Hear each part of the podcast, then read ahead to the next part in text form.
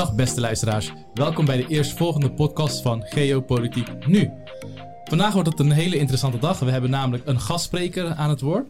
Zijn naam is Ron Stoop. Hij is zelf een politiek econoom, een politicoloog, ook een schrijver. Uh, maar ik denk dat het het beste is als hij zelf even het woord heeft en zichzelf uh, ja, introduceert. Uh, Ron, wie ben je eigenlijk? Wat doe je allemaal? En waar kunnen luisteraars jou vinden? Ja, ik ben dus Ron Stoop. Ik ben inderdaad politiek econoom en politicoloog. Daarnaast werk ik als vakredacteur bij Economenvakblad ESB. En ja, in mijn vrije tijd uh, schrijf ik dingen en uh, gooi ik eens wat op Twitter. Dus uh, ja, gooi eens een steen in de vijver en hopen dat, dat we daarmee een discussie op gang kunnen brengen. En de hoofdonderwerpen waar ik me mee bezig hou zijn dan politieke economie. Dus eigenlijk alles wat daartussen invalt. En inderdaad de energietransitie. Uh, dat zijn eigenlijk de hoofdonderwerpen. Ja. ja, want we hebben zelf ook even ja, jouw Twitter bekeken. Ik had het net al kort over. Dat is heel interessant, ook voor de Twitteraars onder ons. Wat ik fijn vond, is dat je eigenlijk complexe onderwerpen op een heel leuke en grafische manier duidt. Over de critical resources, ja. had je het over. Dat vond ik ook heel interessant. Je hebt ook een boek geschreven, De Gegijzelde Economie. Het gaat, is wel over een ander onderwerp, maar ja. waar gaat het eigenlijk precies over?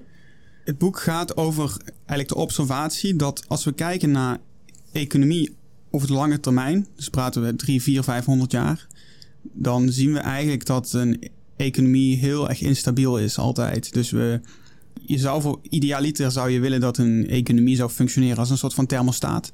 Dus eh, als het de economie oververhit raakt, dat die een beetje rustiger wordt. En dat als de economie te langzaam gaat of te, te langzaam groeit, dat, dat die dan zou versnellen. Dat, dat zou je willen. Maar onze economie is historisch gezien gewoon een, een weerwar van crisis en dan extreme groei en allerlei ongelijkheden die ontstaan. En, en sociale onrust natuurlijk. Hè. Die ongelijkheid voedt vaak dan sociale onrust. En dan krijgen we eh, weer een reset. En dan zijn er landen die hun schulden niet kunnen betalen. En dan moeten we dat weer afschrijven. En zo zie je eigenlijk gewoon een lijn waarin uh, de economie gewoon extreem inefficiënt functioneert. En ik heb dat proberen met een historische analyse te duiden van waarom is dat nou zo? Waarom hebben wij niet een economie die heel stabiel zichzelf ontwikkelt, maar waarom gaat die economie de hele tijd eigenlijk alle kanten op? En uh, dat doe ik dan aan de hand van de Nederlandse geschiedenis. Omdat wij natuurlijk dan een periode hebben gehad van, van hele grote groei, hebben de Gouden Eeuw. Toen uh, er zijn zelfs uh, historici dat zeggen dat Nederland een aantal jaren een hegemon is geweest begin 17e eeuw. Dus in de tijd dat, dat schepen nog heel belangrijk waren, hadden wij een hele grote vloot. Vlak voordat Engeland opkwam. Dus toen waren wij oppermachtig. En wij zijn eigenlijk in een periode van ja, ongeveer 150 jaar tot einde 18e eeuw helemaal afgezakt naar een soort van provinciaal ja, uh, achterstandslandje. En dat zijn we eigenlijk ja, relatief gebleven tot aan het begin 20e eeuw toen begonnen we weer op te komen. Maar we, we, hebben eigenlijk een soort van piek gehad en daarna een, een, een, ja, afkalving, zoals ik dat in het boek noem. En ja, ik heb in dat boek dan proberen te beschrijven waarom ik denk dat dat gebeurd is en wat we daar nu voor lessen uit kunnen trekken. Okay, zeg mooi. Waar dus kunnen we het boek uh, De Gegijzelde Economie kopen? Uh, gewoon bol.com of bij mijn uitgever, de botuitgever. Dat is natuurlijk altijd wel beter direct bij de uitgever en niet bij de, bij die grootgrutter uh, van bol.com. Maar ja, het staat jullie vrij om hem eh, waar dan ook te kopen natuurlijk. Maar daar kan hij gekocht worden, ja. Oké. Nou, heel interessant. Vooral ook hier hetzelfde als bij geopolitiek. Dat je patronen ziet. Dat is denk ik wat je probeert te doen. En uit die patronen lessen probeert te trekken. Dat is eigenlijk wat wij ook willen met geopolitiek. Uiteraard sta ik hier ook met mijn goede podcastpartner Michal Michaloliakos. Uh, voordat ik ga beginnen, het verzoek aan jullie allemaal. Vinden jullie dit leuk? En of je het nou luistert via uh, ja, Podimo, Spotify, um, uh, RSS, iTunes, ja, noem het maar op. Graag de reviews als het kan, een vijf sterren, wat het ook kan. En het helpt ons om sowieso te blijven doen wat we, wat we doen. En geeft ook ons de nodige motivatie, wat natuurlijk ook belangrijk is.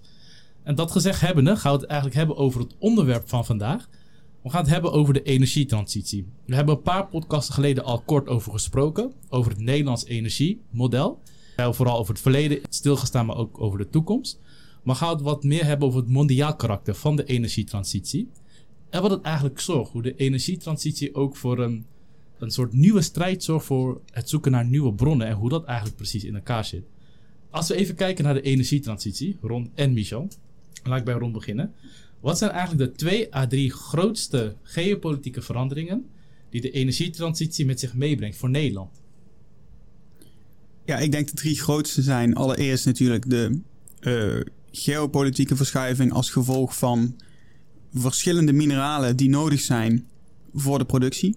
Dus dat betekent eerst was het dus inderdaad gas, steenkool en uh, ja, aardolie.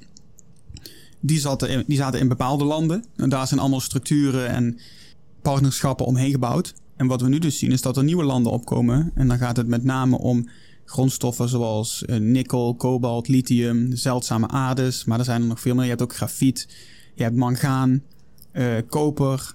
Zijn, ja, er zijn eigenlijk nog, nog een aantal andere. Maar en wat erop neerkomt is dat dus de landen die die grondstoffen nu hebben, die kunnen ineens hun kracht laten gelden. Bijvoorbeeld een land als Indonesië, die hebben heel veel nikkel. En nikkel is heel belangrijk voor de huidige generatie batterijen, die dus dominant is in de elektrische auto's. En zij hebben al een aantal keer een uh, exportverbod ingesteld voor de, voor de export van onbewerkt, uh, onbewerkte nikkel. En wat zij dus pogen te bereiken is dat de landen hun fabrieken ook echt in Indonesië neerzetten. In plaats van dat ze gewoon alles eruit trekken en uh, zelf ermee aan de slag gaan. En we zien dus inderdaad dat um, dat, dat effect sorteert. Want bijvoorbeeld Tesla gaat een fabriek bouwen, of in ieder geval Tesla is naar dus um, de president van Indonesië gegaan.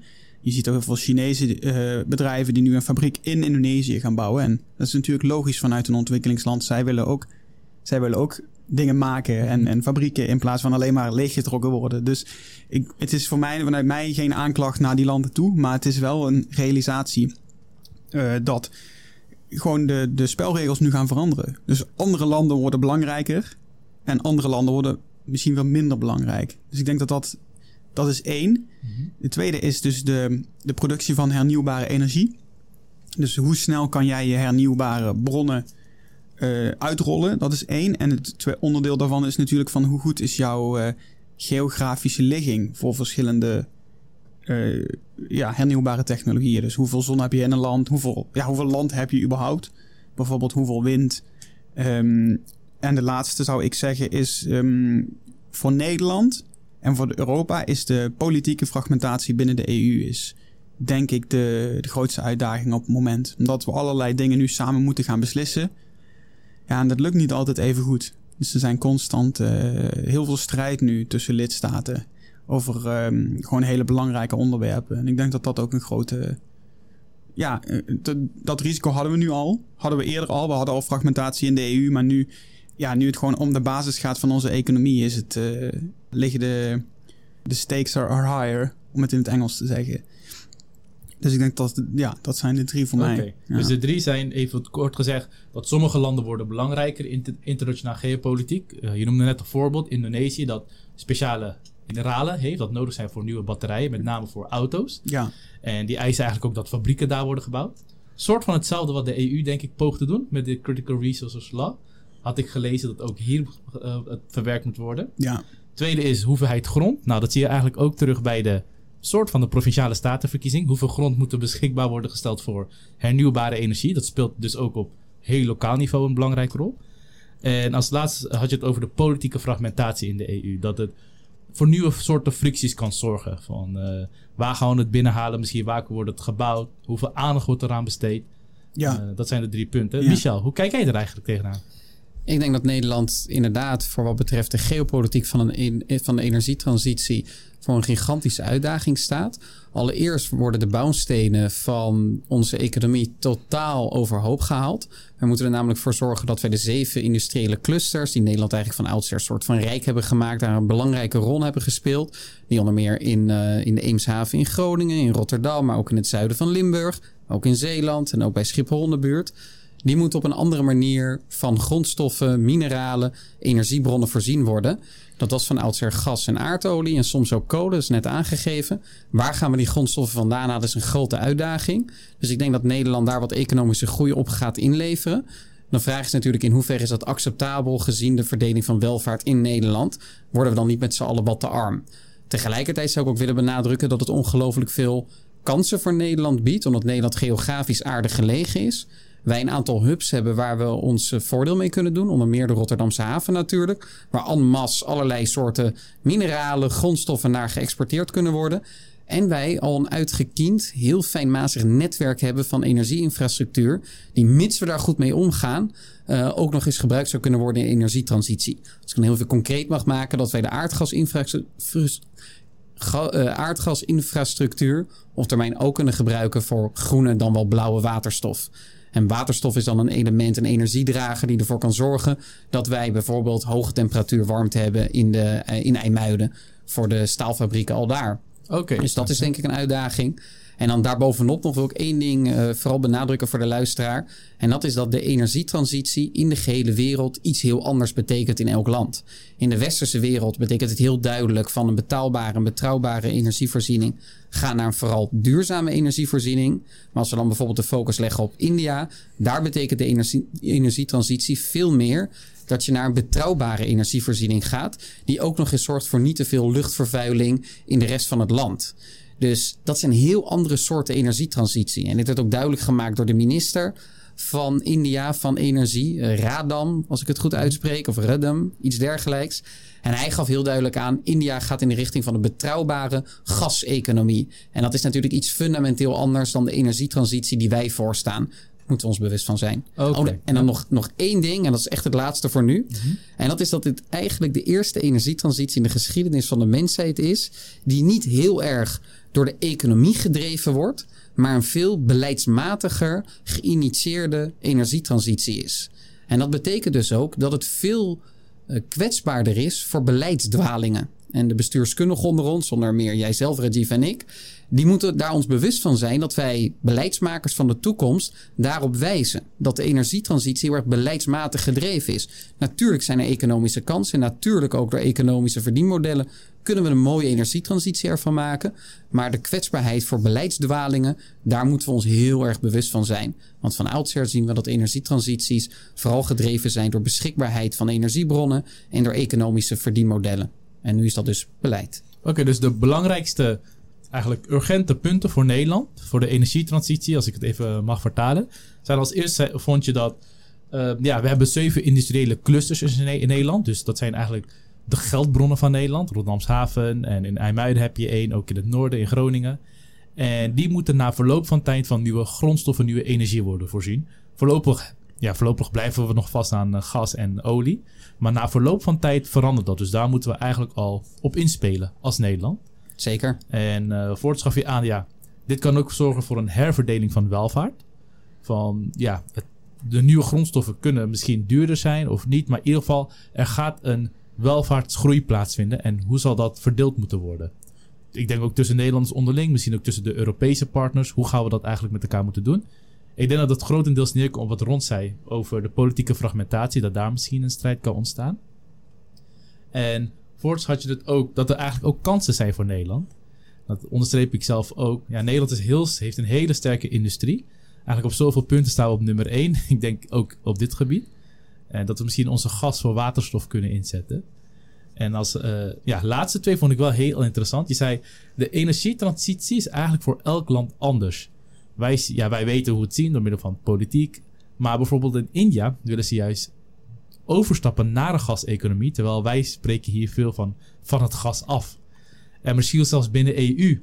En ik denk dat dat ook de fragmentatie kan veroorzaken. Ook binnen de EU zijn er denk ik verschillende beelden van hoe een energietransitie uh, eruit moet zien. Zeker, de Griekenland ja. is daar een goed voorbeeld van. Dat ook en masse op gas wil overstappen. Oké, okay, dus oh, zelfs een EU. Dus een Griekenland wil ook naar de gaseconomie. Ja. Oh, interessant. interessant. Natuurlijk ook ja. naar uh, hernieuwbare energie, laat ik uh -huh. dat vooral benadrukken. Uh -huh. Maar ook voor een flink deel naar een gaseconomie. Ja, en ik had ook begrepen, ik denk dat Ron het misschien beter weet, dat Frankrijk ziet meer een rol voor kernenergie. Vooral Macron zet zich daar heel sterk bij in.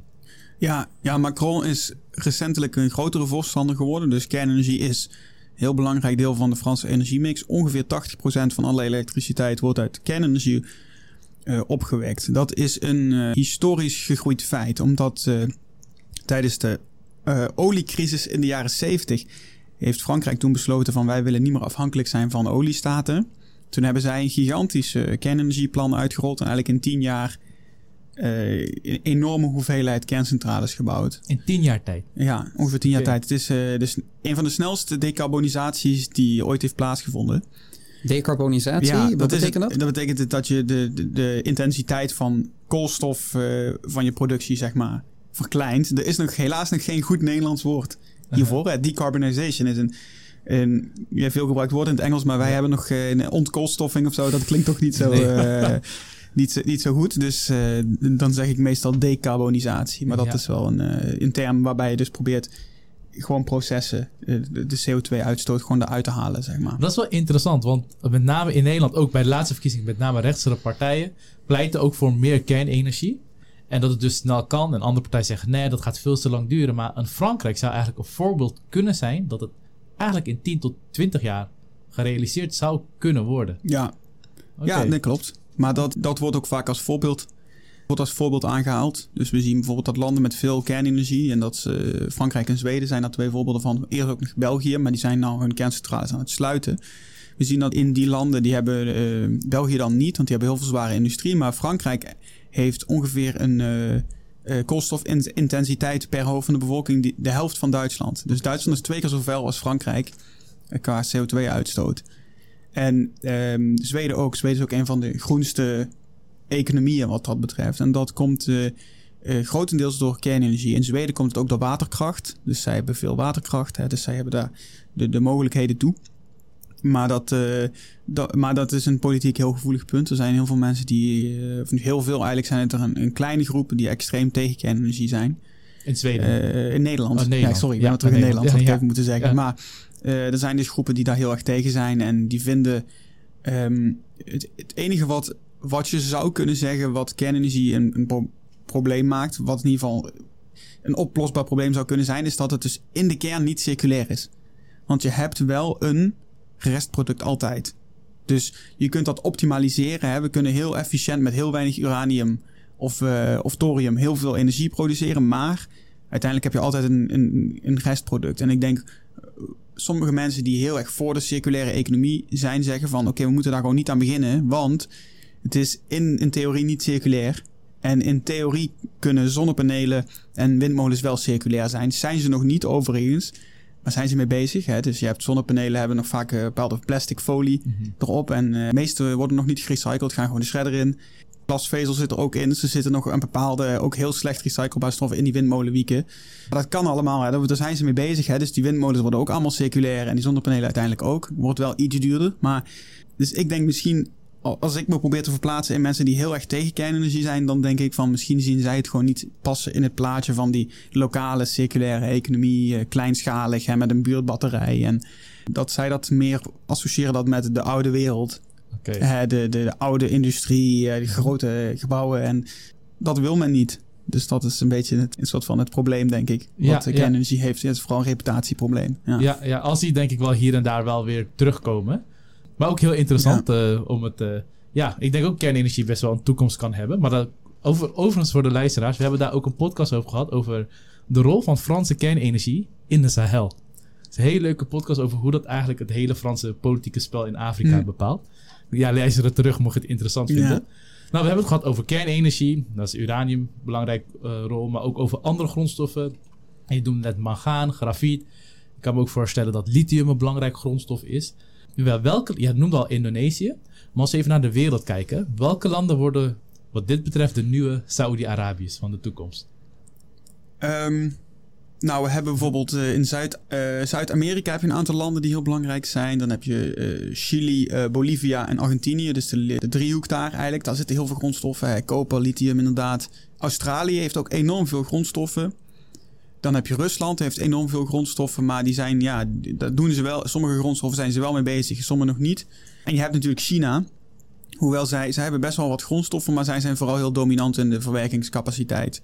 Dus eh, China haalt heel veel grondstoffen uit verschillende landen. Hè. Je hebt natuurlijk kobalt in, eh, van Congo is een heel bekend voorbeeld. 75% ongeveer van alle kobalt die, eh, die uit de mijnbouw komt, komt daar vandaan. En daar heeft China ook dan fabrieken en allemaal bedrijven zitten. Eh, dus ik denk de dominantie van China zit eh, hoofdzakelijk in het, eh, in het verwerken. En ze hebben van de zeldzame aarde nu een best een grote dominantiepositie. Maar die is al flink aan het langzaam aan het teruglopen. Want er worden overal zeldzame ademijnen nu gevonden. En dat gaat. Mijn analyse is dat de beschikbaarheid van die essentiële mineralen is niet per se het grootste probleem. Want er zitten over, in Europa zit ook lithium en er zit ook zeldzame adem. Maar de vraag is welke landen kunnen dit zo snel mogelijk en het liefst zo milieuvriendelijk mogelijk uit de grond gaan krijgen. En waar gaan zij dat dan efficiënt verwerken? Dus ik denk dat dat, uh, dat zijn gewoon de grote vraagstukken. En ik denk dat is voor Europa denk ik moeilijk. Omdat wij, uh, wij zijn, staan bekend om hele trage processen van het ontsluiten van mijnen als het al lukt. We hebben projecten gehad wat voor 10, 15 jaar geprobeerd is om een mijn te openen ergens en uh, daarna nog steeds in de ijskast verdween. Bijvoorbeeld in Portugal heb je een lithiummijn waar lang geprobeerd is. Uh, je hebt in Servië een hele belangrijke grote lithiummijn en daar uh, het loopt ook allemaal niet omdat er komt, constant komt er weer een nieuwe kabinet ergens en dan trekken ze weer een vergunning in. Of er komt een lokale actiepartij. In Groenland heb je ook heel veel zeldzame aarde. Daar is ook een anti soort van mijnbouwpartij toen uh, ook uh, heel hoog uh, in de verkiezingen eigenlijk ja, gigantisch gewonnen. Dus dat is in Europa denk ik het grootste probleem. We hebben eigenlijk voornamelijk een probleem met onszelf. En met, um, met een droom die wij hebben van een groene economie. Um, maar daarentegen dan dat we toch huiverig zijn om, om daadwerkelijk die, ook die, die stappen te zetten. En het dan toch liever outsourcen naar ontwikkelingslanden. En zeggen ah, van oké, okay, ja. jullie doen maar het vieze werk. En, en wij Staat die droom? Je had het net over de droom van willen een goede economie ja. hebben. En dat is natuurlijk duidelijk. Dat willen wij ook graag. Al hier in de podcast. Maar ik denk iedereen wil uiteindelijk wel een groene economie hebben. Ja. Maar daarvoor moeten we bepaalde opofferingen doen. Onder meer door misschien wel eens een beetje vervelende mijn te ontginnen. Ja. Denk je dat deze droom ons wel eens in de weg staat om de realiteit onder ogen te zien? Willen wij bepaalde doelstellingen bereiken als Europese Unie en als Nederland? Ja, ik denk het wel dat uh, we zullen moeten kiezen tussen dus verschillende kwaden. En we moeten daaruit met elkaar dan de, de minste kwaden uh, uitkiezen. Want je hebt, kijk, elke mijnbouw gaat natuurlijk een deel van natuur kapot maken. En gaat misschien uh, omwonenden heel blij maken. Of gaat misschien zelfs bepaalde huizen onbewoonbaar maken. En dat is natuurlijk iets wat, wat niet leuk is. Want ja, we zijn er allemaal voor totdat het in onze eigen achtertuin gebeurt. Dus Um, maar uiteindelijk vind ik wel dat Europa dat moet doen, want wij kunnen niet, uh, ja, we kunnen niet verwachten dat alleen maar in, in armere landen dat zij al het, het vuile werk moeten doen.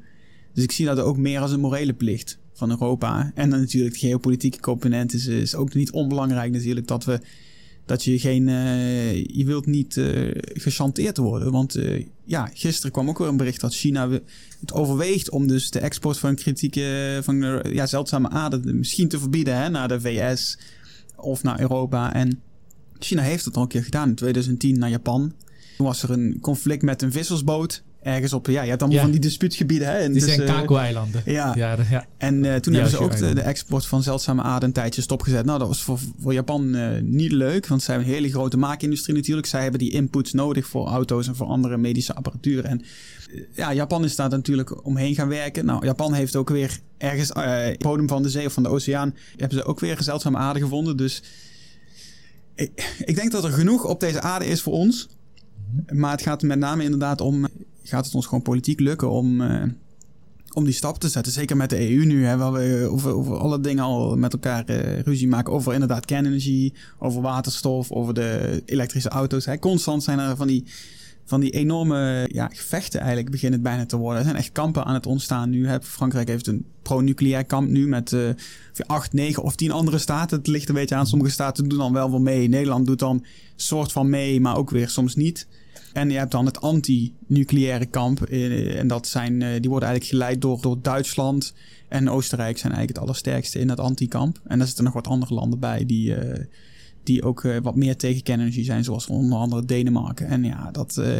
dus we zijn vooral in Europa de hoofden tegen elkaar aan het stoten. En dan zie je in Amerika waar Joe Biden gewoon gewoon een, een, pak papier op tafel legt en zegt van hier, dit gaan we doen. 370 miljard aan, aan financiering voor groene bedrijven. Alle zonnepanelenboeren die kijken naar Amerika en batterijproductie en dus en China precies hetzelfde. Zij breken constant hun eigen records als het gaat om de uitbouw van hernieuwbare energie. Dat is, is ongelooflijk. Zij bouwen nu meer windmolens dan alle andere landen bij elkaar Zo. per jaar. Dus ja, ja dit, is, dit is moeilijk hè, in Europa. Omdat wij, wij missen gewoon die daadkracht. En, dus, en kijk, als wij hier op straat nu zo mensen gaan vragen over de EU... dan uh, zal het ook geen hosanna zijn zijn mensen ook niet heel erg van... oh, laten we eens wat meer macht geven aan de EU. Is ook niet echt het, het, het breed gedeelde gevoel. Ehm, dus ja, ik denk eigenlijk dat dat het grootste probleem is. Kijk, die... die, die Heb ik nog even ja. één vraag? Want je hebt net natuurlijk aangegeven... want het is moeilijk om bepaalde bronnen in Europa te ontginnen... vanwege alle vergunningsprocedures... en dat het in Amerika en China en ook andere landen wat gemakkelijker gaat. Ja. Maar je had het net ook over de verwerkingscapaciteit... en dat China zich daarin onderscheidt. Wat is Ja. de potentie van de Europese verwerkingscapaciteit? Want technologie hebben we natuurlijk wel. En Ja. ervaring met raffinaderijen net zo. En kapitaal ook. En kapitaal ja, ook. Ja, die competentie is er natuurlijk. En dat is natuurlijk iets makkelijker, omdat eh, verwerking is iets minder plaatsafhankelijk. Kijk, idealiter uit de economische logica zet je het zo dicht mogelijk bij de, eh, bij de bron. Maar je kunt inderdaad gewoon verwerkingscapaciteit eh, in je eigen land neerzetten. Er is al wat verwerkingscapaciteit voor zeldzame aard. Een klein fabriekje in, ergens in een van de Baltische staten, volgens mij is het Estland. Van een Canadees bedrijf staat daar een klein verwerkingsfabriekje. Dus het kan gewoon. Ja, maar dan moet je de stappen zetten en eh, het geld daarvoor eh, neertellen. Dus ja, ik wat ik vooral mis is die daadkracht. En gewoon dat, dat we gewoon echt een, een visie voor ogen hebben van oké, zoveel fabrieken willen we in Europa hebben over 10, 20 jaar. Dat we het gewoon eens even gewoon met elkaar gewoon op papier gaan zetten. Hey, je moet gewoon een plan hebben. Ja, dat mist nog alles. Omdat we gewoon heel veel, heel veel bezig zijn met de waan van de dag. Of met, met, met ruzietjes met elkaar. Over welke technologie wel of niet. Waar moet nou wel een windmolen? En dan ja, wil je ergens een windmolen neerzetten. En dan klaagt er iemand over slagschaduw. En eh, dan willen we wind op zee. Maar dat, dan zijn er wel mensen die dat niet leuk vinden. Omdat daar dan beton moet gestopt moet worden. En dat kan... eh, uiteindelijk de grootste vijand die we hebben, denk ik, is gewoon onszelf. En onze risico's die- we hebben om, om, om onszelf te verliezen in, eh, in polarisering. In eh eigenlijk achterhoedegevechten op allerlei gebieden. En dat we gewoon voorbijgestreefd worden door landen die gewoon... Ja, misschien net iets minder democratisch zijn, maar gewoon wel... eh, gewoon die, die koers opzetten en gewoon eh, in sneltreinvaart eh, allemaal die hernieuwbare energie eruit pompt, zeg maar. Oké. Dat is eigenlijk wat interessanter. Je, ik zie vaak YouTube-filmpjes van dit is de nieuwe Saudi-Arabië, omdat daar weer een groot mijn is ontdekt.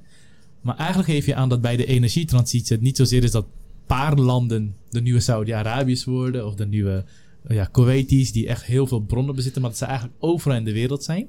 Ik heb ook begrepen in Afghanistan, dat nu door Taliban wordt beheerst, daar zijn ook heel veel mijnen. Ja. Laatst in Kashmir er heel Ja. veel ontdekt. Ja, ja, ja, maar Kashmir en in Iran ook. Dus ook In in, eh, Iran, dus, dus- ja, je ziet overal eigenlijk... Dus eh, eigenlijk is het overal, soort als schalieolie, schaliegas, zit er vooral in het op het mijnen. ja, en het verwerken daarvan. En ja, bij mijnen, we hebben allemaal een beeld van mijnbouw, van die diepe putten in het grond. En mijnbouw is eenmaal een vervuilende industrie. Dat is een keuze die we moeten maken. Ik had eigenlijk een vraag, want je zei, we hadden het eh, eigenlijk uit je antwoord, zie je al hoe dynamiek verandert van de energietransitie. Dat de bronnen zijn er wel overal wat meer te vinden, alleen de verwerkingscapaciteit, daar gaat meer de focus op komen te liggen. En dat we daar in de EU, en zelfs in Nederland, een, steeds meer een strijd over voeren. En in kampen worden geduwd. Als ik gewoon even zou filosoferen, zouden landen niet dan niet voor zichzelf gewoon een energiebeleid kunnen bepalen? Een soort van hoe Frankrijk dat heeft gedaan. Van wat Duitsland wil, of Oostenrijk, of Denemarken. Oké, doe wat jullie willen doen. Maar wij voeren ons eigen energiebeleid uit. Ja. En eh, investeren daar gewoon volop in. ja. Ja, het kan wel natuurlijk. Ja. Je kunt als Nederland of Frankrijk gewoon zeggen... daar gaan volop voor kernenergie. Dat kan. Alleen het probleem is dat wij eh, in de EU dus af, met elkaar af- afgesproken van... oké, we gaan zoveel duurzame energie maken... En dat noemen ze de groene taxonomie. Dus zij maken een lijstje van: oké, dit is allemaal groen en dit mag je meetellen. En als kernenergie niet op dat lijstje staat, nou, hij staat er nu een soort van. Hij staat er wel op, maar half. En er is ook weer. eh, Greenpeace heeft een aanklacht ingediend tegen dat lijstje van kernenergie hoort daar niet bij. En gas zit er ook een soort van bij als transitie eh. Maar waar het dus om gaat is: het gevecht gaat erom: mag mijn energiebron van voorkeur op dat lijstje? Want dat lijstje geeft je ook, eh, krijg je allemaal dat geld. Hè? We hebben zo'n gigantische zak met geld gemaakt. Het Next Generation Fonds van de EU. Hè? Dus 800 nog wat miljard zit daarin. Dus een gigantische pot met geld. Is dat onderdeel van de Green Deal ook? Of is dat Eh, iets los? Nou, het was eigenlijk een corona-herstelfonds. Ja. Maar ze willen dat nu dus eigenlijk gewoon gaan omvormen naar een soort van... eh, ze willen daar delen van gebruiken om groene energie en hernieuwbaar eh, ehm, te ondersteunen. Dus de strijd gaat om, mag kernenergie ook op dat lijstje? En zo ja, dan mag kernenergie ook geld krijgen van de EU. En dan zeggen Duitsland en Oostenrijk, nee, nee, het is niet goed, het is ehm, vervuilend. Dus eh, het is niet onderdeel van de oplossing. En daarom moet daar geen geld naartoe gaan, want dat is een afleiding. Dat geld moet allemaal naar zon en wind, eh, bijvoorbeeld. Of naar waterstof, of naar elektrische auto's. Dus daar gaat de strijd om. omdat heel veel van die industrieën op dit moment nog niet eh, echt kunnen concurreren met natuurlijk de fossiele industrieën. En ja, je hebt gewoon een zetje nodig dan. Je hebt extra geld nodig om dat in ieder geval rond te laten komen. En ja, daar gaat het om. Het gevecht. Ja. En hoe kijk jij daar tegenaan, Michel? Denk je dat Nederland zou eigenlijk ook zou moeten zeggen, weet je wat, het duurt veel te lang, we gaan er gewoon zelf voor? Of Je, je refereert naar de strijd van kunnen wij als individuele lidstaat ons eigen energiebeleid bepalen Inderdaad. En dan dat wij de Verenigde EU eigenlijk niet zozeer nodig hebben. Ik denk dat het in enige mate kan. Zeker op bepaalde deelelementen kunnen wij ons eigen beleid voeren en dat zie je Europees breed al terug. Maar één kenmerk is heel erg van belang in die en- energietransitie en dat is regionalisering. En dat heeft te maken met dat de opwek van bepaalde, met name elektriciteitsbronnen, in ene moment er wel is en op een ander moment niet. Heel concreet, in Spanje is veel zon, in Engeland is veel wind, dus is er veel zon. Dan kun je daar elektriciteit opwekken. Is er veel wind, dan kun je in Engeland veel elektriciteit opwekken. En dat je dus kabels op elkaar gaat aansluiten om op die manier bepaalde comparatieve voordelen aan elkaar te koppelen. En dan ga jij die voordelen, elke sterkte van elk land aan elkaar koppelen, dat dwingt dat dus tot gemeenschappelijk beleidsvorming. En ik denk dat dat wel iets is wat we ons moeten realiseren. Dat een energietransitie heel lokaal in één land tot op zekere hoogte kan. Maar er is een moment dat je gewoon tegen je eigen plafond aanloopt. En dan ben je wel gedwongen eh, synergetische voordelen met andere landen te realiseren. En dan noemde ik wel even Spanje en Engeland. Maar dat geldt natuurlijk voor de gehele EU. De, voor, de voorbeelden zijn talloos, zijn eindeloos. Die we kunnen opnoemen hiervan. Dus die regionalisering en de integratie van met name elektriciteitsnetwerken. Dat dwingt eigenlijk tot gemeenschappelijk beleid. En ik denk dat dat wel één ding is. En dat hebben we natuurlijk ook al in de eerdere podcast over de energietransitie met elkaar besproken dat we natuurlijk in de energietransitie het moeten hebben over een betaalbare en betrouwbare energievoorziening. En ook over een duurzame energievoorziening. En dat een duurzame energievoorziening er eigenlijk voor zorgt dat je een aanbodgestuurd systeem krijgt. Dat dus niet een kooltje in de fabriek gaat als wij hier in Den Haag een, eh, een licht aanzetten. Maar dat we eigenlijk pas het licht aanzetten op het moment dat er een windwiek aan het draaien is. En dat is natuurlijk een heel ander systeem. En daar moet de infrastructuur worden aangepast. En die infrastructuur, dat infrastructuurvraagstuk, dwingt ook weer tot gemeenschappelijke beleidsvorming. Dus daarom denk ik echt dat het van belang is dat de EU ook samenwerkt hieromtrent. Nog los van de geopolitieke strijd rondom zeldzame metalen, rondom lithium en noem maar op. Ook vanwege deze twee redenen moeten wij met elkaar samenwerken. En dan onderschrijf ik ook wel wat Ron zegt. Dat het soms wat lastig gaat in de EU om gemeenschappelijk beleid te voeren.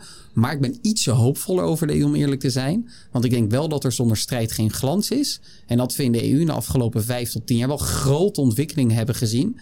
Het gaat wat mij betreft niet altijd de goede kant op. Maar op ten aanzien van de energietransitie denk ik dat we best wel behoorlijk wat stappen aan het maken zijn. En dat in de hele EU ook die hernieuwbare capaciteit aan het toenemen is. Dus dat zie ik wel eigenlijk als iets positiefs. Tegelijkertijd nog een element erbij. Dat vind ik wel een leuke dat wij nu eigenlijk enerzijds een strijd hebben rondom mineralen. En anderzijds een strijd hebben rondom die fossiele grondstoffen nog steeds wereldwijd. Dus hebben we voldoende aardolie, hebben we voldoende kolen en hebben we voldoende eh, gas. En dat dat nu eigenlijk een soort laag aan toegevoegd wordt vanuit de energietransitie, zorgt voor heel interessante, maar complexe dynamieken. Waarvan ik ook eigenlijk zou willen stellen dat heel veel politici zich daar niet van bewust zijn en geen idee hebben om op basis van een soort gelaagd inzicht en uitspraak te doen over de energietransitie, met behoud van de economie en ook nog vergroening van allerlei zaken. Dus dat is Ja, wel een, Maar ik kan, een interessant. ik kan voorstellen dat het heel complex is. Het is eigenlijk een enorme verbouwing terwijl je je winkel of je huis open houdt. Je moet met Mooie het- Ja, je ja. moet met het dubbele, dus naast het standaard huishouden, moet je tegelijkertijd rekening houden met de verbouwing. En tegelijkertijd moeten beide parallel lopen zonder dat het al te veel voor al te veel eh, ja, onrust zorgt. En dan heb je misschien ook nog eens in dat open huis dat aan het verbouwen is. Ook nog eens een soort van, ja, ik noem maar even dieven die op de loer liggen. Of gevaren die op de loer liggen die je huis binnen willen komen. Ja, ja. Namelijk die ge- bedrijfsgeheimen willen stelen. Of die bepaalde grondstoffen willen stelen die, toevoer, die jij wilt eh, toevoegen naar je eigen land toe. Dus ja, het is complex, maar wel heel erg interessant. Oké, maar heel interessant inzicht. Dus tot op zekere hoogte kan je wel als eigen land bepalen... we gaan zo een energietransitie eh, uitvoeren. Maar je komt gewoon tegen een plafond aan omdat... Ja, wat je eerder al aangaf, dit is niet zozeer heel sterk zoals in het verleden een economisch kant. Waar het gewoon ja, markt, aan- vraag en aanbod bepaalt in hoeverre eh, ja, energie geproduceerd wordt. Maar omdat duurzaamheid belangrijker wordt en ja, aan duurzaamheid zit niet echt een prijs. Dus dat moet wel vanuit de overheid aanbod ge- ja, gestructureerd worden. Dan moet je dus samenwerken. Je, ja, er is geen andere optie, als het ware. Klopt. Oké, oké, heel interessant.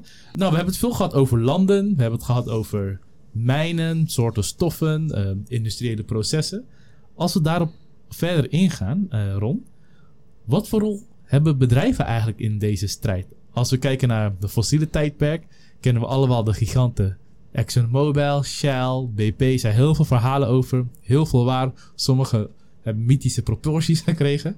Maar ja, wat zie je in de toekomst gebeuren met de energietransitie? En welke, welke soort bedrijven krijgen hier eigenlijk een eh, ja, grotere impact?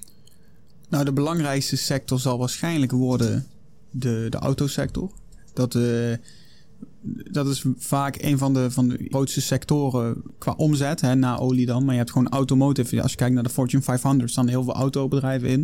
Dus dan denk je inderdaad aan Volkswagen. Nou, het grootste bedrijf Fortune van Duitsland. 500, even voor de luisteraar, dat Ja. zijn de 500 grootste bedrijven Ja, precies. in waarde. Eh, ja, in omzet. Ja. Ja.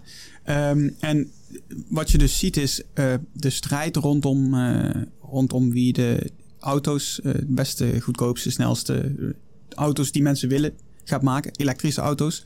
Dat is eh, denk ik een strijd waar ook allerlei andere industriële activiteiten zich omheen bewegen natuurlijk. Je hebt, je hebt een autobedrijf, maar je hebt talloze toeleveranciers, andere bedrijven. Je hebt de R&D wat daar omheen zit, natuurlijk ontwikkeling. En dus eh natuurlijk gaan alle, alle bedrijven gaan een transitie maken. Hè. Nederland, eh, wat is rele- relevant in Nederland, chemische industrie natuurlijk relatief veel. Je hebt kunstmest.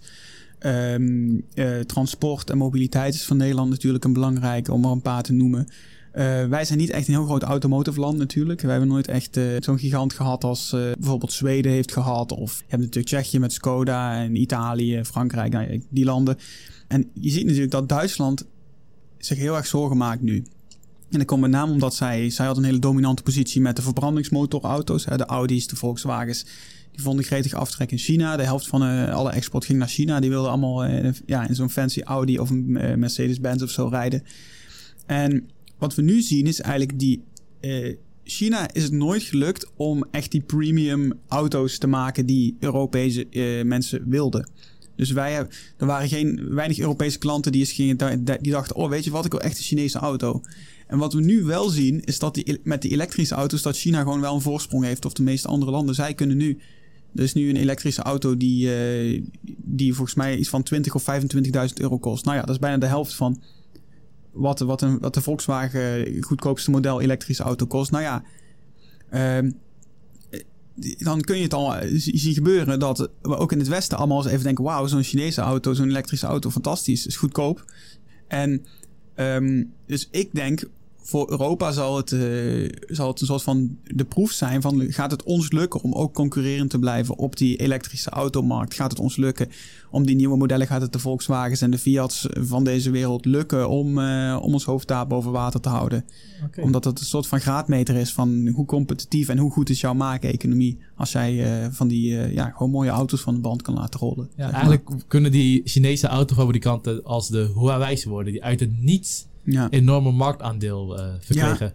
Ja, ja dat kan. Ik bedoel, we zien wel dat. eh, eh, het lijkt erop dat in ieder geval op dit moment de westerse consument relatief landenneutraal is. Als het gaat om de aanschaf van, ja, inderdaad, zoals je zegt, telefoons en zo. Mensen vinden dat geen probleem. Nou, ik heb altijd, ik heb altijd, ik heb nog een Nokia. Hè? Ik heb wel een smartphone, maar het is wel een Fins, Fins bedrijf. Dus ik ben altijd wel heel bewust aan het, aan het consumeren wat dat betreft. Maar ik verwacht dus gewoon inderdaad met auto's. Als jij een twee keer zo goedkope elektrische Ja. mooie auto kan krijgen uit China, ja, dan gaan heel veel mensen zeggen, nou doe maar. Ja, inderdaad. Ehm, zeker als je op een gegeven moment zonnepaneeltjes hebt, kun je hem zelf opladen. Dus het- is ook Ja. weer een winstmoment natuurlijk. Hoef je niet meer, eh Dus hoef je niet meer wellicht, naar het tankstation. Ja. dus wellicht de toekomstige Europese consument... die heeft Chinese zonnepanelen op het dak... nabij een Chinees geproduceerde... of met Chinees Ja. geproduceerde metalen windmolen in de buurt. Ja. Chinese auto, Chinese smartphone. Ja, dat zou kunnen. Hoewel China nu ook steeds meer van een productie aan het outsourcen is. Want het begint nu een. Het is eigenlijk geen low-income eh, country meer. Dus het gaat Klopt. nu naar Vietnam of naar eh, of andere landen die Ja, daar omheen Mexico had zitten. ik ook begrepen. Ja, ja, Mexico zit natuurlijk met. eh, ja, die zitten met, eh, bij vlakbij Amerika. Hè, dus Mexico groeit ook heel hard nu. Ehm, dus, dus ja, ik denk ehm, dat daar een antwoord op moet komen. En het is goed dat we er al mee bezig zijn. Hè? Dus we hebben natuurlijk inderdaad al, je hebt, je hebt een hele lijst van allerlei uh, initiatieven van de EU. Hè? De Critical, Raw, de Critical uh, Raw Material Act. En dan heb je de GDIP. En dan heb je de Net Zero Industry Act. En dat, ja, het is allemaal ook heel een web van, van allerlei dingen die dan weer onder een ander uh, zitten. Maar er zitten hele duidelijke doelen in. Voor 2030 willen we uh, 40% van de verwerking van mineralen dan zelf doen. we willen een deel daarvan recyclen. Uh, dat moet uit recycling komen. Uh, dus we zijn er gelukkig wel allemaal mee bezig. De vraag is nu inderdaad, ligt, de bal ligt nu bij, bij uitvoering en gaan we, gaan we die, uh, die de commissie voorstelt er allemaal netjes doorheen krijgen. Hè? Want het EU, het EU-wetgevingsproces is nogal langdradig. Dus okay. je hebt eerst de commissie komt met een voorstel. Dan mogen landen daarover nadenken. Komen er allemaal consultaties. Hè? Dan gaan landen met elkaar bespreken. Dan komt het um, voor het Europese parlement. Die moeten het dan accorderen en dan moet het nog naar de lidstaten. En dan moeten alle lidstaten moeten er, uh, moet, moeten er ook mee eens zijn, zeg maar. Dus dat is het proces. Dus dat, dat um, het is heel democratisch op, op een bepaalde manier, maar het uh, maakt het wat, wat, wat stroperiger dan inderdaad gewoon... Uh, een slak de, lijkt er snel bij. Ja, je hebt gewoon de IRA. Dat is gewoon Joe Biden die zijn handtekening ergens zet. En, ja. en, maar uiteindelijk, ja, natuurlijk is de hoop. En die hoop ligt, ligt bij ons. Uh, bij de mensen die heel erg geloven in de EU. En dat op een, op een gewoon een open en eerlijke manier aan mensen vertellen.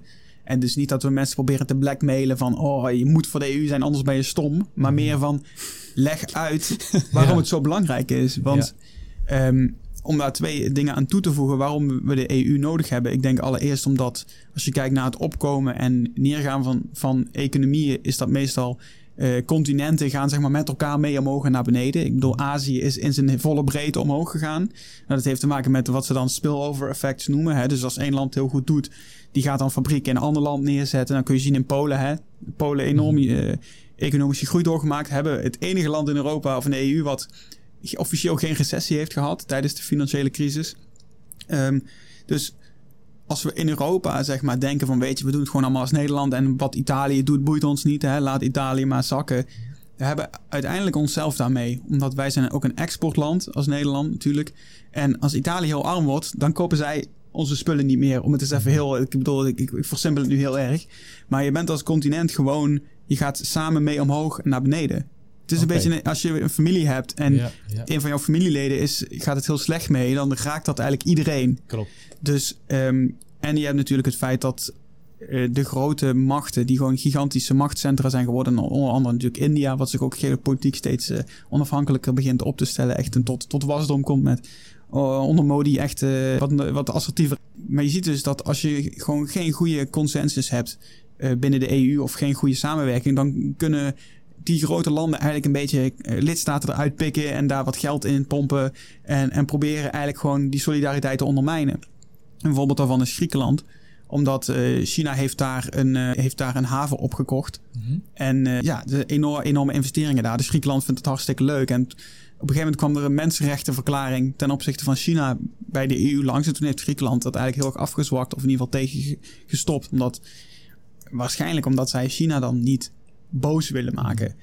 Dus als je, ik denk dat, dat we daar um, scherper op moeten zijn. Dat we heel makkelijk tegen elkaar uitgespeeld kunnen worden. Door dus landen die groter zijn. En uh, ja, dan zijn we allemaal slechter af binnen de EU, denk ik. Oké, oké. Dus uh, kort samenvattend. Als je kijkt naar de bedrijven, welke rol spelen zijn de automotives en de verwerkingindustrie. En vooral eigenlijk bij de verwerkingindustrie speelt de EU een hele belangrijke rol om ervoor te zorgen dat wij als landen niet tegen elkaar worden uitgespeeld. Dat we een eigen verwerkingsindustrie kunnen opbouwen. Ook een blok kunnen vormen naar partijen buiten de EU. En dat we daar vooral goed voor waken. Michel, zie je ook, ben je hiermee eens? Of heb je ook nog andere industrieën in je hoofd die een uh, belangrijke rol spelen, zullen spelen in de toekomst? Absoluut. En ik denk dat daar met name Europa wel ietsje zuiniger zou mogen zijn op haar gigantische uh, oliebedrijven. En ik ken de kritiek en ik ben het ook wel mee eens dat BP en de Shells van deze wereld veel te weinig geïnvesteerd hebben de afgelopen decennia in verduurzaming van de energievoorziening. Dat zij er niet al te nastrevenswaardige uh, lobbypraktijken op hebben nagehouden. Dat zij wel eens niet goed zijn omgegaan met onder meer Nigerianen. Hier ben ik me allemaal van bewust en dit vind ik ook kwalijk. En ik had nu even de maar. Dat een energietransitie Zonder bedrijven die een gigantische schaal hebben, die de expertise hebben om energieinfrastructuren te doorgronden, die weet hoe je een logistiek op poten zet, absoluut kansloos is. Een energietransitie zonder deze bedrijven en de schaal van deze bedrijven gaat hoe dan ook mislukken. En ik denk dat wij als Europese Unie en vooral ook als Nederlands ons daar meer bewust van zouden moeten zijn dat een Shell, een Total Energies, een BP een cruciale rol hierin zouden kunnen en moeten spelen. En daar zou de EU wel verstandiger mee om kunnen gaan. Dan nu gelijk ook de kritische noot hierbij. Ik denk dat deze olie- en gasgiganten de capaciteit hebben om de energietransitie vooruit te helpen, maar dat veel te weinig doen. Dus ik zou graag willen dat deze bedrijven hier veel serieuzer op inzetten. En hoewel ik zelf als voormalig optiehouder van Shell daar heel erg van geprofiteerd heb, zou ik ook graag willen dat zij stoppen met buybacks. Dat eigen aandelen worden ingekocht.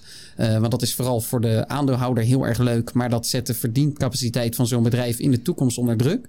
En dat zij die winsten, die overwinst van de afgelopen jaren, beter hadden kunnen steken in verduurzaming van de infrastructuur van energiebronnen en ga zo maar door. En ik denk dat dan er een mooie toekomst in het verschiet ligt van deze energiegiganten. Dan hoeven het geen olie- en gasgiganten meer te zijn, dan kunnen het echte energiegiganten worden. Dus daar zou ik wel graag willen dat Europa iets zuiniger is op de eigen industrie. En voorkomt dat deze partijen uiteindelijk in, het, in andere landen komen te zitten. Want dan gaan de investeringen in de landen waar de hoofdkantoren zitten natuurlijk gedaan worden.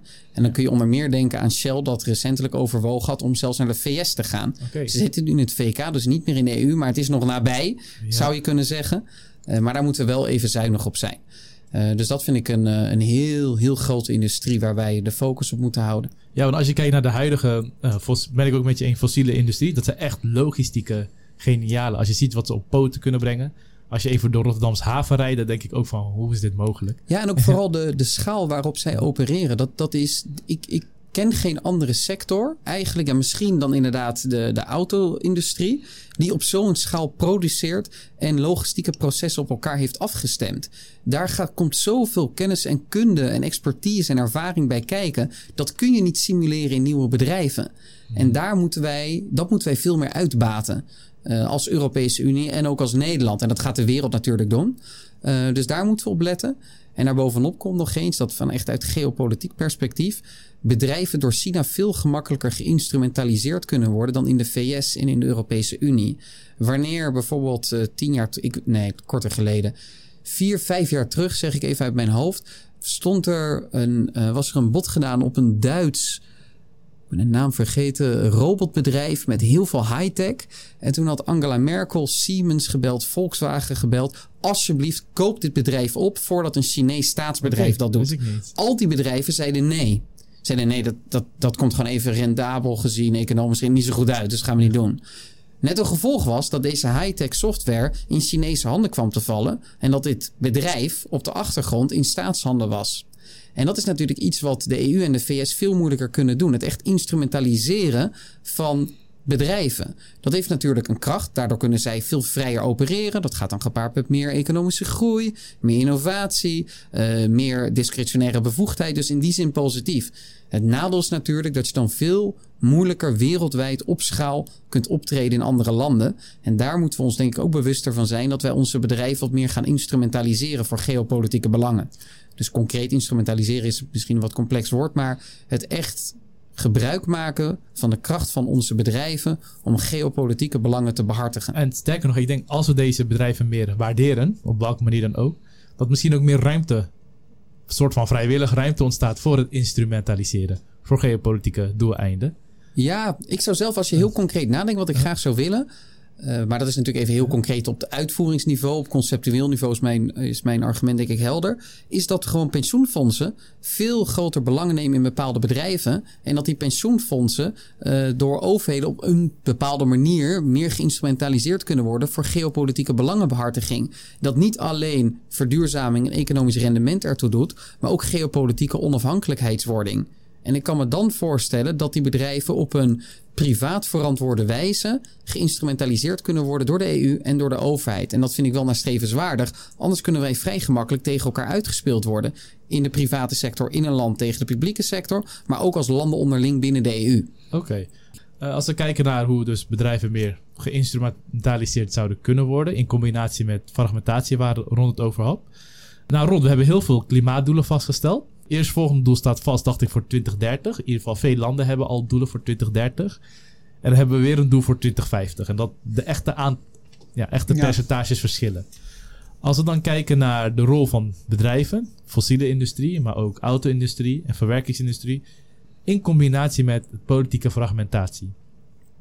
In hoeverre denk je dat deze nieuwe strijd, deze nieuwe dynamiek, ervoor zorgen dat wij als EU die klimaatdoelen kunnen halen, vergeleken met bijvoorbeeld de VS of China of India? Hoe kijk jij daar tegenaan? Je bedoelt de, hoe de politieke fragmentatie Ja. dat mogelijk maakt of onmogelijk maakt, Inderdaad, zeg maar, in die ja. zin. Ehm, nou, als ik, als ik kijk naar hoe de transitie idealitair plaatsvindt, zou ik zeggen, nou, je gaat gewoon enorm veel, enorme hoeveelheid geld stoppen in de, in de nieuwe technologieën. En daarbij moet je niet uitgaan van traditionele return on investment-achtige marktmechanismes. Hè. Dus denken van wachten tot de private investeerders ook eh, geen koude watervrees meer hebben, maar gewoon eigenlijk maximaal geld daarin stoppen. En dat dan denk ik, als je dat koppelt aan een eh, CO2-prijs, dat eh, de EU in, indirect doet met, met het ETS-systeem, dus een emissiehandelssysteem. Bedrijven krijgen emissierechten.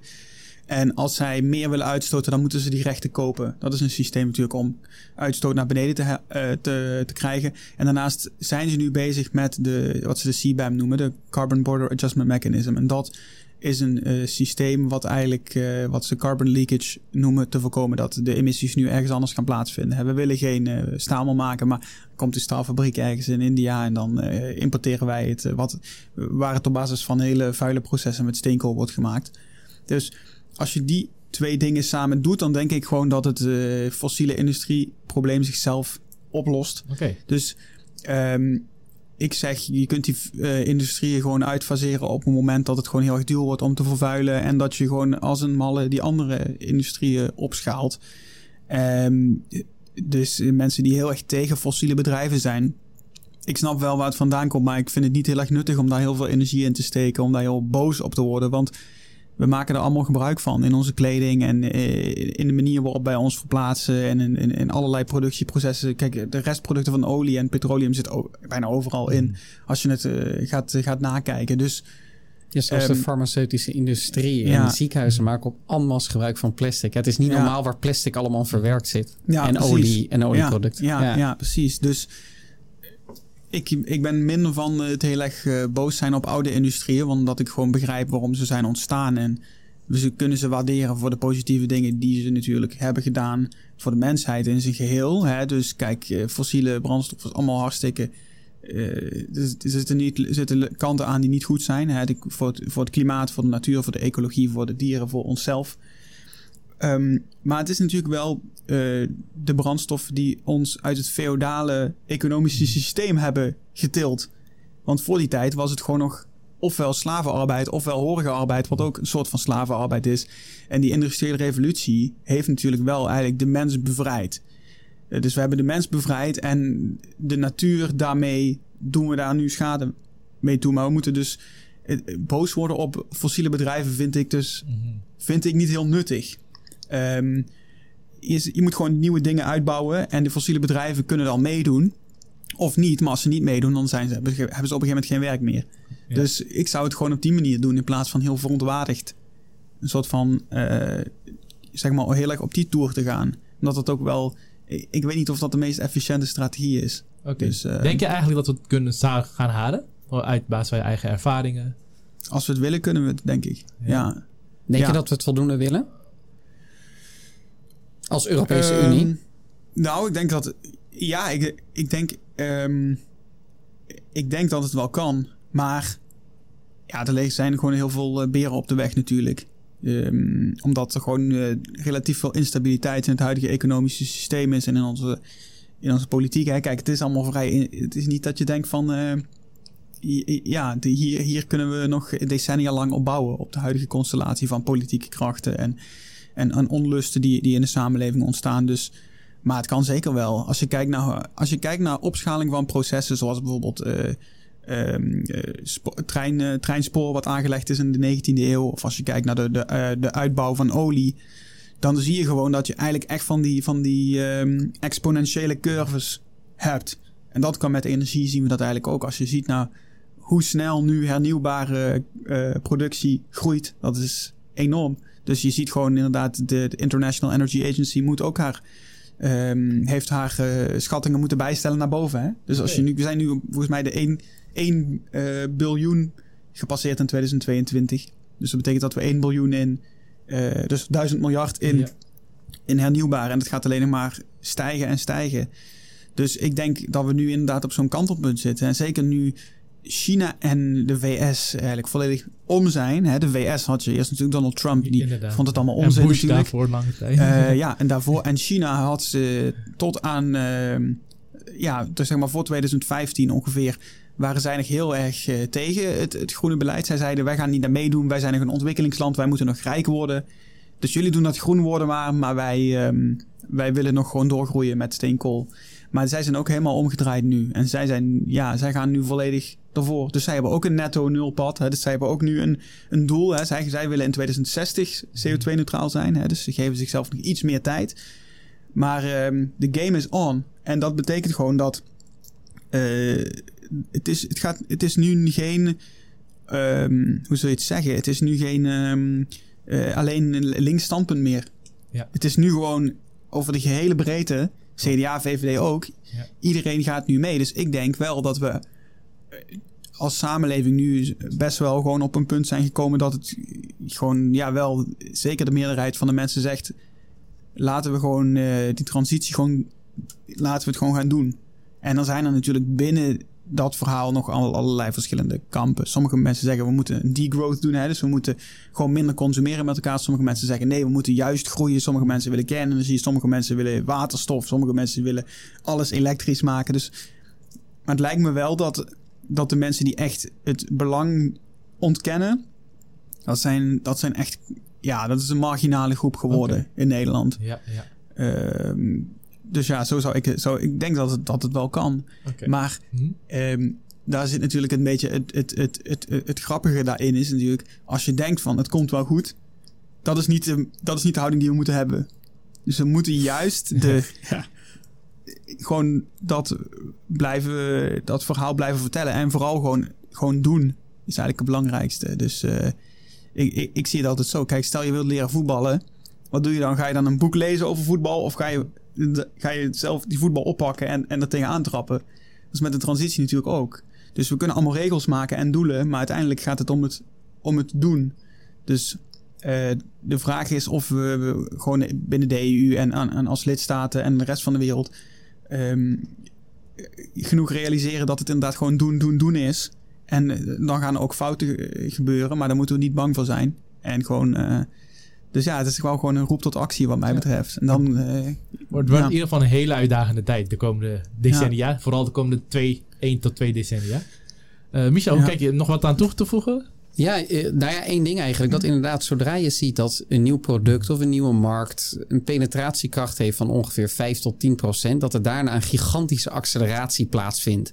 En daar geloof ik ook wel in dat natuurlijk grofweg, ik, ik weet het niet precies, maar rond de 5 à 10 procent is nu de productie ten opzichte van de totale energievoorziening, elektriciteitsvoorziening in, in de gehele wereld en in Europa voor de gehele energievoorziening rond de 5 à 10 procent is duurzaam relatief bescheiden. Maar dan heb je al enige schaal gemaakt. En dan is de belofte daar dat je meer kunt waarmaken. En daarom denk ik zeker dat wij heel erg sterk zullen gaan stijgen, ook als Nederland. Gaat natuurlijk wel gepaard met het nodige bewustzijn dat er een strijd rondom mineralen gaat plaatsvinden. Waar wij op moeten anticiperen. En waar je natuurlijk heel veel interessante dingen over hebt gezegd, Ron. En ik denk ook dat wij dan als EU goede bilaterale relaties met landen moeten aangaan. Waarin wij inderdaad deze landen een bepaald deel van de verwerkingscapaciteit gunnen. Waardoor zij meer toegevoegde waarde kunnen creëren. Denk aan de Democratische Republiek Congo. Trouwens een verschrikkelijk lange naam vind ik zelf. Uh, maar ook bij Indonesië en eventueel ook andere landen. En dat wij daar dan uiteindelijk ook baat bij kunnen hebben. Ja, inderdaad. En los als die landen rijker worden, worden ze zelf misschien ook rijker van, toch? Ja, ja. ja en ja. Um, wat ik het mooie vind aan... Er zit wel een hele grote belofte in deze transitie. Omdat um, het zal de eerste keer zijn in, in een hele lange tijd... dat we uh, niet meer functioneel uh, globalistische economie hoeven te hebben. Dus wat dat betekent is... Uh, met, met fossiele energie zijn we functioneel globalistisch. En dat betekent... we kunnen niet, niet een mondiale economie hebben. Want we moeten die grondstoffen uit andere landen halen. Dus zodra olie dominant werd, werden we gedwongen Ja. om allerlei eh, een, een- een mondiaal economisch systeem op te zetten. Dat was gewoon, ehm, dat, dat was gewoon een voorwaarde van het systeem. En op het moment dat je in een circulaire economie terechtkomt, valt die voorwaarde weg. En ik zeg nog niet dat dat gaat gebeuren, want je kunt natuurlijk ook nog steeds een globalistisch handelssysteem hebben eh, daarmee. Maar je hebt in ieder geval vanuit materieel, een materieel opzicht geen, hoeft het niet meer, hoef je niet meer per se ehm, een, een mondiaal economisch systeem te hebben, omdat je dan je eigen metalen kunt recyclen. Hè? Dus, maar ik, zoals ik al zei, dat is een theoretisch perspectief. Hè? Daar zijn we nog lang niet. Maar dat zou kunnen betekenen dat we dus niet meer per se een mondiaal economisch systeem hoeven te hebben als we dat niet willen. Want het mondiaal economisch systeem eh, werkt eigenlijk volgens wat ze dan een global value chain noemen. Hè? Dus je hebt gewoon een, een, een voedselketen waar, som- waar dan iemand aan de top staat, hè? de leeuw. En dan heb je, dus zeg maar, je hebt een voedselketen voor dieren. Nou, je hebt ook een, een voedselketen voor economieën. En eh, waarbij sommige landen gewoon ehm, de vuile klusjes moeten opknappen. Hè? De, de landen waar de grondstoffen gewoon uit worden getrokken. Dan heb je de landen die eh, de simpele maakindustrie, simpele maakindustrie, waar, eh, de- ja, dan heb je het bijvoorbeeld over textiel, om maar eens iets te zeggen. Dan heb je de landen die misschien de middle income countries, waar dan eh, misschien ehm, eh, hele simpele eh, apparaatjes met elektronica worden gemaakt. En dan uiteindelijk krijg je natuurlijk aan die top van die keten, heb je dan de bedrijven die doen advies, financiële diensten, R&D, Echt de Japan, Eh, Zuid-Korea. Japan, Zuid-Korea. Nederland Ja. natuurlijk ook. Hè. Wij, zijn natuurlijk, wij zitten aan de top van die keten. En dat is natuurlijk hartstikke leuk voor ons. Ehm, maar een circulaire economie heeft een andere belofte. En dat is dus ook dat, de, dat wij niet meer verplicht zijn om die landen constant leeg te trekken. Om aan onze eigen. Om, om aan het systeem in stand te houden, zeg maar. Dus dat vind ik een interessante belofte die daarin zit. Omdat, omdat dat zou- zou kunnen betekenen dat ook die landen zelf.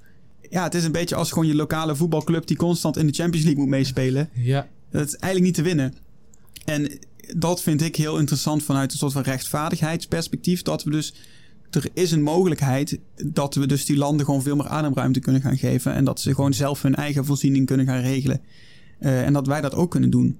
En ehm, dan, dat zou een potentiële stabilisering gewoon van, van de wereld in zijn algemeen Ja. kunnen zijn. Dus dat vind ik een hele interessante. Nou, misschien is zoals we dat noemen een unipolaire wereldorde van Amerika niet eens nodig. Ook vanuit Amerikaans perspectief. Zo inter interessant. eh, Ja, als je helemaal je eigen behoeften kunt voorzien Ja. en je voelt je niet bedreigd door een ander, dan Ja. hoef je een ander ook niet leeg te roven of kapot te maken. Daar komt het in de kern om in. Vind ik ook een Ja. interessante. Ja, Ja, het is natuurlijk heel conceptueel wat ik nu zeg. Hè? Dus, maar het is wel, ehm, het is wel een, een, een dermate een grote verandering dat ik hem zie als jagers-verzamelaars en dan agricultural societies, fossil societies en dan post-fossil societies. Gewoon een andere samenleving met andere klopt. voorwaarden ehm, die daarin zitten. Dus we hoeven dan als landen niet meer andere landen te gebruiken voor ons eigen doel.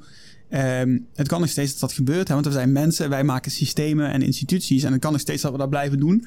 Maar het is in ieder geval niet meer nood, per se materieel noodzakelijk voor Ja. ons op dat Ja. moment. Ik begrijp het. Dus eh, ja, In ieder geval, hele interessante tijden beginnen. Zullen er aankomen. ja. Eh, nou, beste luisteraars, we hadden een hele interessante podcast gehad. Natuurlijk met eh Ron Stoop.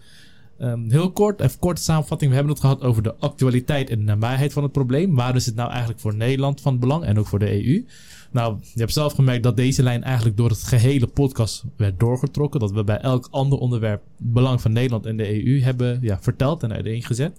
We hebben kort gehad over de belangrijkste grondstoffen. En welke landen hebben deze grondstoffen? En dat we niet eigenlijk moeten denken van welke landen hebben die grondstoffen, maar waar zit de verwerkingscapaciteit? En wat is de rol van bedrijven daarin? En hoe we eigenlijk als EU en Nederland deze bedrijven moeten ondersteunen en beschermen. Eh, en dat daar vooral het eh, doel op moet zitten te liggen. We hebben een beetje ook gehad over de minpunten of over de hindernissen. Met name over de politieke fragmentatie binnen de EU en dat er kampen kunnen ontstaan. Eh, maar ook over de kansen die er liggen voor de toekomst. Zowel binnen Nederland, EU als op de wereld. Daar hebben we mee afgesloten. Dat was een eh, heel interessant podcast. Wat vond jij, Michel? Ik heb, het ook, eh, ik heb Ja. er enorm van genoten. Ron, enorm Ja. bedankt eh, Ja. voor je aanwezigheid vandaag.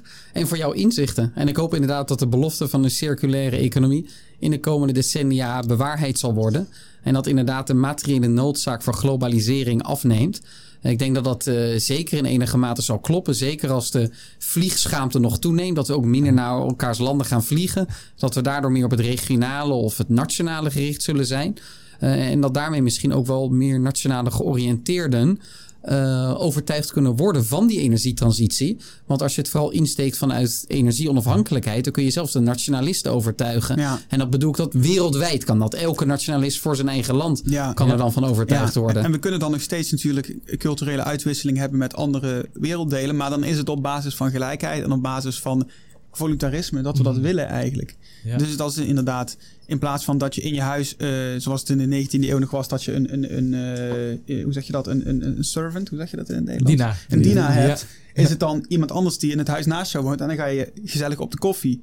Dus dat betekent dat we nog, we kunnen nog steeds gewoon als wereld in vrede met elkaar leven, maar we kunnen dan uh, in theorie elkaar als gewoon als gelijke tegemoet treden. En ik denk dat dat gewoon dat, dat klinkt voor mij als een wereld die, die beter werkt voor iedereen. Ja, um, En ik ben me bewust... Dat het enige, enige export- en importproduct, uh, ik heb zelf ook wel eens over nagedacht, inderdaad, is uiteindelijk at the end of the day kennis. Ja. Dat is in de toekomst het enige wat we met elkaar zullen verhandelen. Afhankelijk natuurlijk van hoe AI zich zal ontwikkelen en of het überhaupt nog verhandeld moet worden door mensen. Ja, ja, precies. Maar ja, ik ben wel bewust dat, zoals ik het, ik schets het als een ideaalbeeld. Mm um, maar het gaat, het gaat natuurlijk wel. Uh, als het ons lukt, gaat het enorme gevolgen hebben voor alles. En ik waarschijnlijk uh, in een positieve zin. Ja, dus dat nou, toch met een uh, positieve noot. Kunnen we met een hele positieve noot.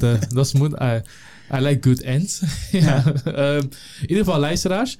bedankt ook voor het luisteren. Nogmaals, verwijt ook luister. Podimo, Spotify. Laat de reviews achter. Het helpt ons om te groeien. Om door te gaan. Het geeft ook de motivatie om door te gaan. En de laatste tijd zijn we ook wat actiever geworden op Twitter.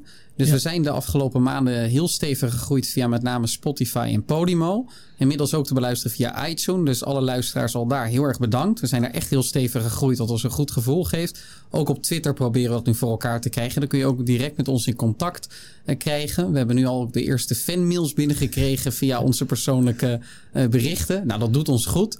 Uh, dus ja, neem vooral contact op als je bepaalde vraagstukken behandeld wil zien. Als je een interessante gastspreker hebt. Of als je wil dat Rajiv en ik ons licht ergens over laten schijnen. Laat het vooral even weten. We doen het heel graag. Zeker, dat doen we echt heel graag. En in die end natuurlijk, we hopen dat, dat u... je afscheid neemt van je ongeïnformeerde zelf. nog fijne dag.